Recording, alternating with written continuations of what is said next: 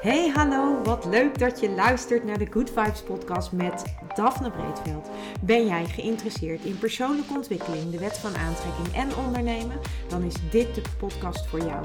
Ik neem je heel graag mee op mijn ontdekkingsreis naar absolute vrijheid. Omdat ik er 100% in geloof dat je alles kunt creëren wat jij maar wilt. Jouw tofste leven en business puur door vanuit je gevoel te leven. Ik wens je heel veel inspiratie en luisterplezier. En stay tuned voor zo'n good vibes. Hey, welkom. Leuk dat je weer luistert naar een nieuwe aflevering. En in deze aflevering ga ik je een vraag stellen. Een hele persoonlijke vraag en ook een confronterende vraag. Ik hou je nog even in spanning welke vraag het dan is. Maar ik wil je eerst even meenemen in, uh, in iets wat mij altijd opvalt. En uh, ja, wat ik graag met je wil delen. En wat ook de reden is van de vraag die dan uiteindelijk gaat uh, volgen.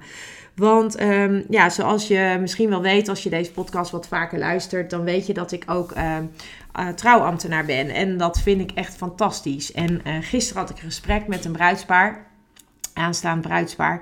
En uh, wat ik het leukste vind van dat, uh, van dat werk eigenlijk is dat ik het zo leuk vind dat mensen mij hun persoonlijke verhaal vertellen.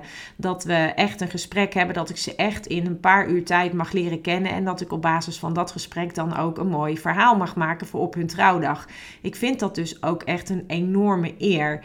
En op het moment dat jij uh, met een stel tegenover je zit en je hebt deze gesprekken, dan, um, ja, dan komen er ook hele persoonlijke dingen naar boven. Mensen per vertellen persoonlijke dingen. Ze vertellen ook persoonlijke dingen over, uh, over hun leven samen, maar ook individuele dingen. En het ene moment hebben we heel veel uh, lol en, en, lachen we. En het andere moment ja, kan het soms ook heel verdrietig zijn, omdat bepaalde mensen misschien niet meer in leven zijn of er niet bij kunnen zijn op de, deze voor hun zo bijzondere dag. En ja, ook dat nemen we allemaal mee in, in de gesprekken die ik voer. En ik neem dat ook vaak mee in de ceremonie die ik vervolgens voor ze maak. Wat maakt dat het, wat mij betreft, een hele persoonlijke, intieme ceremonie wordt. Omdat ik uh, ja, dat zelf ook fijn vind. Ik hou van de interactie ook met de gasten, de interactie met het bruidspaar. En dat zijn allemaal dingen die ik meeneem in dit soort gesprekken. En op basis waarvan ik dus um, van dit gesprek maak ik dus die ceremonie. En dat, uh, ja, dat vind ik ontzettend leuk om te doen. En uh, ja, dat brengt mij gelijk aan een ander moment in je leven waar je ook op een gegeven moment uh, ja, bent. En dat is het moment van uh, jouw overlijden. En nu denk je misschien, wat is dit voor een grote overgang? En dat is het ook. Alleen ik maak hem omdat ik eigenlijk een punt wil maken. Want op het moment dat wij um, als mensen met elkaar gaan trouwen, dan uh, gaan we op zoek naar al die dingen die uh, leuk zijn in hun relatie. We bespreken uiteraard ook de minder leuke dingen of de minder leuke, leuke eigenschappen van elkaar. Maar vooral kijken we naar wat heeft er nu voor gezorgd dat jullie ervoor gekozen hebben om jullie leven met elkaar uh, door te gaan brengen en, en het jaarwoord straks te gaan geven. En dat, zijn, dat is eigenlijk de input voor het gesprek.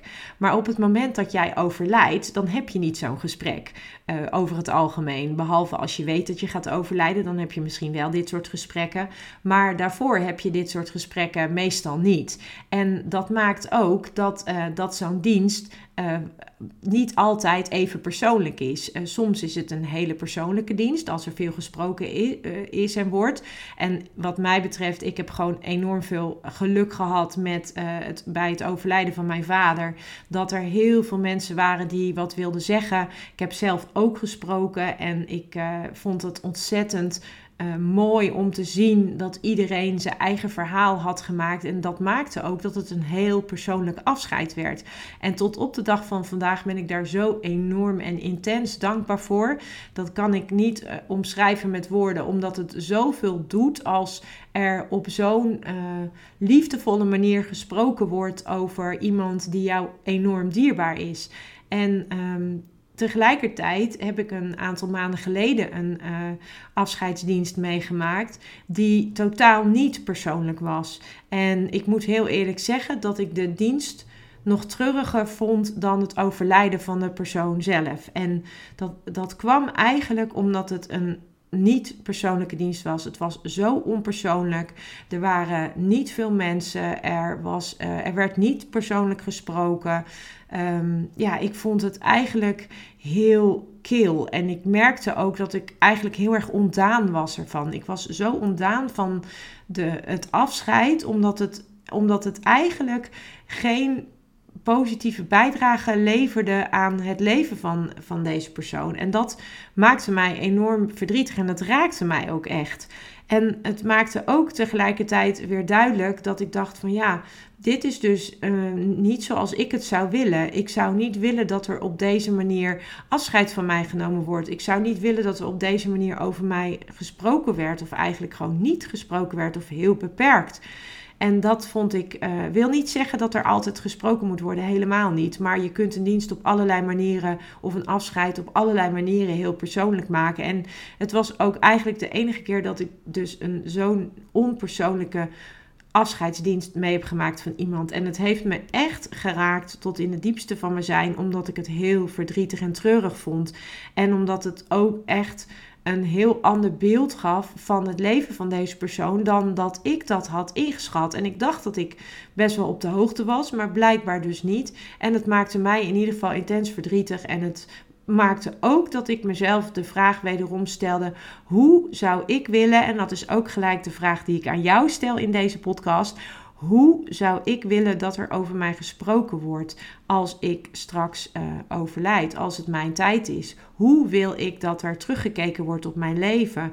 Hoe wil ik dat er, uh, hoe wil ik dat de mensen, hoe wil ik dat de mensen daar zitten? Wil ik dat ze daar zitten dankbaar en uh, vanuit een liefdevolle herinnering? Of wil ik dat ze daar uh, op een andere manier zitten? Hoe wil je dat? En dat antwoord op die vraag zegt heel veel over jou. Het zegt heel veel over waar bepaalde verlangens liggen die je misschien op dit moment nog niet naleeft of die misschien op dit moment nog niet uit zijn gekomen. Het zegt heel veel over hoe je herinnerd wil worden. Het zegt heel veel over of jij een bepaalde legacy, dus een bepaalde ja, of jij iets echt wil nalaten. Wat, wat wil je de wereld meegeven? Of wil je de wereld een beetje mooier maken? Of misschien voel je dat helemaal niet. Misschien wil je vooral heel erg liefdevol zijn naar de mensen om je heen. En wil je dat er ook op die manier over jou gesproken wordt. Maar de vraag aan jou is eigenlijk. Hoe wil je dat er op jouw afscheidsdienst over jou gesproken wordt? Wat moet er gezegd worden? En dan wordt de vervolgvraag voor jou: wat kan ik op dit moment veranderen? Welke keuzes kan ik op dit moment maken die ervoor gaan zorgen dat op het moment dat mijn afscheid daar is, dat dit ook daadwerkelijk over mij gezegd kan worden? En misschien kan dat al, misschien doe je dit al, misschien ben je daar al en misschien zeg je wel van nou op het moment dat ik, uh, dat ik afscheid zou nemen op dit moment, dan uh, weet ik zeker dat er dit of dat of dat over mij gezegd wordt en ik weet zeker dat uh, die en die daar zullen zijn. En misschien. Um, zeg je wel van nou, Um, als, ik nu zou, uh, als het nu mijn tijd zou zijn, dan zou ik eigenlijk wel willen dat er op een andere manier over mij gesproken Want ik zou eigenlijk nog wel dit willen, ik zou eigenlijk nog wel dat willen, of ik zou eigenlijk nog wel puntje, puntje, puntje, puntje. En voor jou is dat dan een hele mooie uitnodiging om eens naar het nu te kijken en te kijken wat kan jij op dit moment veranderen? Wat kan jij anders gaan doen? Welke keuzes kun jij maken om ervoor te zorgen dat er op die manier over jou gesproken zou worden. Wat wil jij nalaten? Wat wil jij dat er gezegd wordt? Hoe wil jij uh, dat mensen jou hebben ervaren, hebben beleefd, hebben gezien? En op het moment dat jij antwoord gaat geven op deze vragen en je gaat keuzes maken die daarbij passen, dan, uh, dan ben je dus al enorm op de goede weg om uh, uiteindelijk, als jouw tijd daar is, dat uh, weten te creëren. En nogmaals, dat doe je dus niet voor de anderen, maar dat doe je dus wel echt voor jezelf. Wat doe jij voor jezelf? Wat wil jij? Wat wil jij dat er gezegd wordt? Wat wil jij dat er achterblijft? En ehm, ik hoop dat ik je met deze vraag kan inspireren in het nu om misschien andere keuzes te maken, andere stappen te zetten. En ik wens jou voor nu een hele fijne dag en tot de volgende. Ciao. Ja, lieve mensen, dat was het weer voor vandaag. Dankjewel voor het luisteren. Ik hoop dat ik je met deze aflevering heb weten te inspireren.